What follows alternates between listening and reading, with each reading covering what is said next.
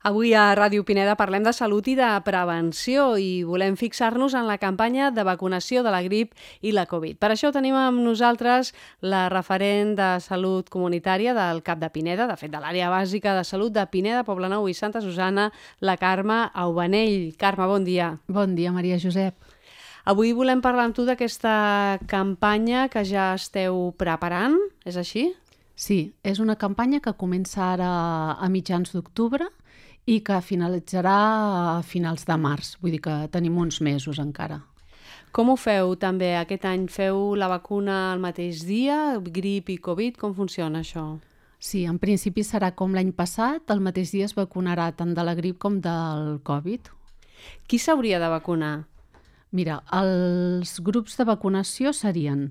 Uh, primer parlaríem de la grip i el Covid, eh? perquè n'hi ha uns quants que poder per al Covid no estan indicats uh, tota la població major de 60 anys, després tota aquella població de menys de 60 anys que tinguin alguna patologia de risc que pugui fer que, que es compliqui.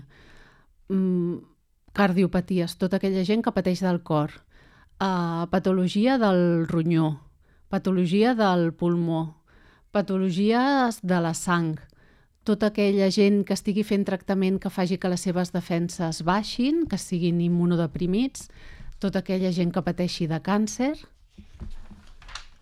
Després també tenim a les embarassades. Les embarassades, en principi, aquest any es poden vacunar qualsevol trimestre, vull dir que no hi ha contraindicació. I després també totes aquelles persones que poden transmetre aquelles persones de risc, tant la grip com el Covid, que aquí entrarien doncs, tots els cuidadors -huh. aquella gent que treballa en centres sanitaris, també tots els serveis essencials uh -huh. estarien dins d'aquest grup. Com parleu de cuidadors, aquelles persones que cuiden persones grans de la família també estan previstes? Sí, sí, sí, sí, sí, sí. tots aquells familiars que convisquin amb gent de risc uh -huh. també s'haurien de vacunar. Doncs aquestes són les recomanacions per fer aquesta vacunació de grip i Covid, però has comentat, Carme, que hi ha alguna vacunació que sí per una cosa però no per l'altra, què és exactament? Sí, serien tota aquella població que només diríem que està indicada la vacunació de la grip, que aquí entraria la població infantil de, 5 a, ai, de 6 a 59 mesos, tots aquells joves de 5 a 18 anys que rebin tractament amb àcid acetil salicílic, eh, persones fumadores, que aquest any entren, que fins ara no, totes les persones fumadores són candidates a la vacuna de la grip, i tots aquells estudiants en pràctiques de centres sanitaris i sociosanitaris, que en principi la grip sí, el Covid no és, no és obligat, tot i que se la podríem posar. Eh? Uh -huh. Per què tota aquesta població a qui recomaneu que es vacuni, per què s'haurien de vacunar sobretot? Sobretot per evitar riscos potser en un moment, això, no? l'infecció de la grip o del Covid pot ser un lleu, amb febre i malestar, però sí que és veritat que tota aquesta persona de risc la cosa pot complicar, per sobretot tant, a clar. nivell respiratori. Clar, clar, aquí llavors és, és important doncs, prendre consciència. També us volia preguntar Uh, si la gent que ha passat, en el cas de la Covid, la gent que ho ha passat, la Covid, es poden, mm, perquè sabem que hi ha casos i que no desapareix de, el virus, no ha desaparegut, és més lleu però no ha desaparegut, més lleu en la majoria de casos. Uh, es poden vacunar o que han, han d'esperar un temps? Com funciona? Es podran vacunar però s'han d'esperar tres mesos des de que han passat la malaltia. Molt bé. Us trobeu que algunes persones que són candidates, diguem, a les dues vacunes eh, us diuen d'aquesta vacu vacuna sí, de l'altra no, Covid sí o Covid no, eh, grip sí, grip no? U, com, com ho gestioneu, això? Sí, a veure, de fet, les vacunes eh, són recomanables, però no pots obligar ningú. Després, el dia de la vacunació, sempre es pregunta eh, si et vols vacunar de les dues o d'una de les dues. Uh -huh. Això també ho teniu en compte. Sí. Mm, com, com ho fem per demanar hora? Recordem que estem parlant dels ambulatoris de Pineda, de Poblenou, de Santa Susana. Com, com què hem de fer?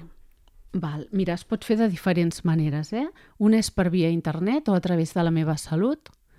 L'altre és eh, trucant al CAP per telèfon o, o anar-hi presencialment millor sempre per internet per no col·lapsar perquè si no sí que és veritat que es pot fer molta cua. Després hi ha la programació central que d'aquí també es pot fer, que si voleu donga el telèfon, uh -huh. que és el 93 326 8901. Aquí ja us pregunten de quina població sou i us poden mm, programar directament des d'allà.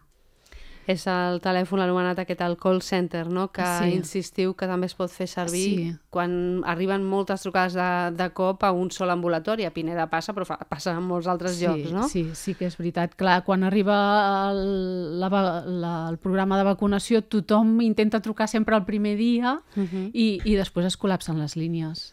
Per tant, recordem aquest número de telèfon, el 93 326 8901, 326 8901, si ens esteu escoltant, aquí es pot demanar hora per la vacuna.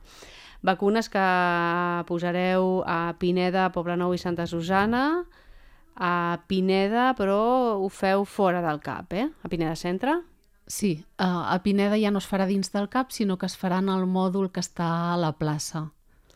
Doncs aquestes vacunes que estarem atents quan, quan arribin, no? que s'estan començant a distribuir. A Pineda preveieu a finals d'octubre, més o menys, eh, que es posi tot, tot en marxa, però les hores ja es poden demanar, no? Es poden demanar a partir de l'11 d'octubre. Mhm. En principi la campanya comença el dia 16, que no vol dir que el dia 16 ja es vacuni. Després, a partir de l'11 d'octubre, és quan ja es pot començar a demanar hora.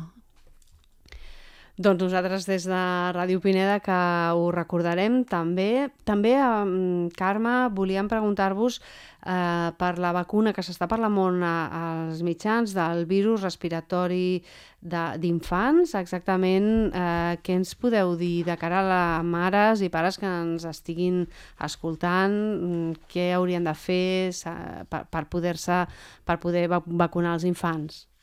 Sí, respecte a la població infantil sí que és veritat que aquest, el virus respiratori sincitial, eh, aquests últims anys és una mica més virulent i està donant problemes i també comença la campanya ara al mes d'octubre.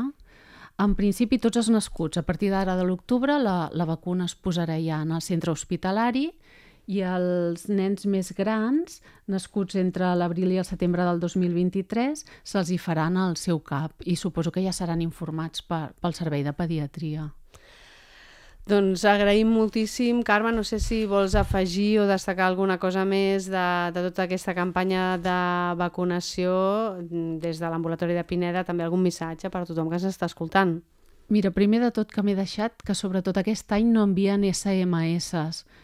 L'any passat ho van fer, van enviar recordatoris, aquest any que no l'esperin, vull dir que ja demanin hora. Molt bé, doncs prenem nota, prenem nota. I bueno, recomanar això, que la gent es vacuni, que al final és un, és un bé per tots, és, és un bé comunitari, vaja. Carme Obanell, referent de Salut Comunitària, moltíssimes gràcies per ser amb nosaltres. Gràcies a tu.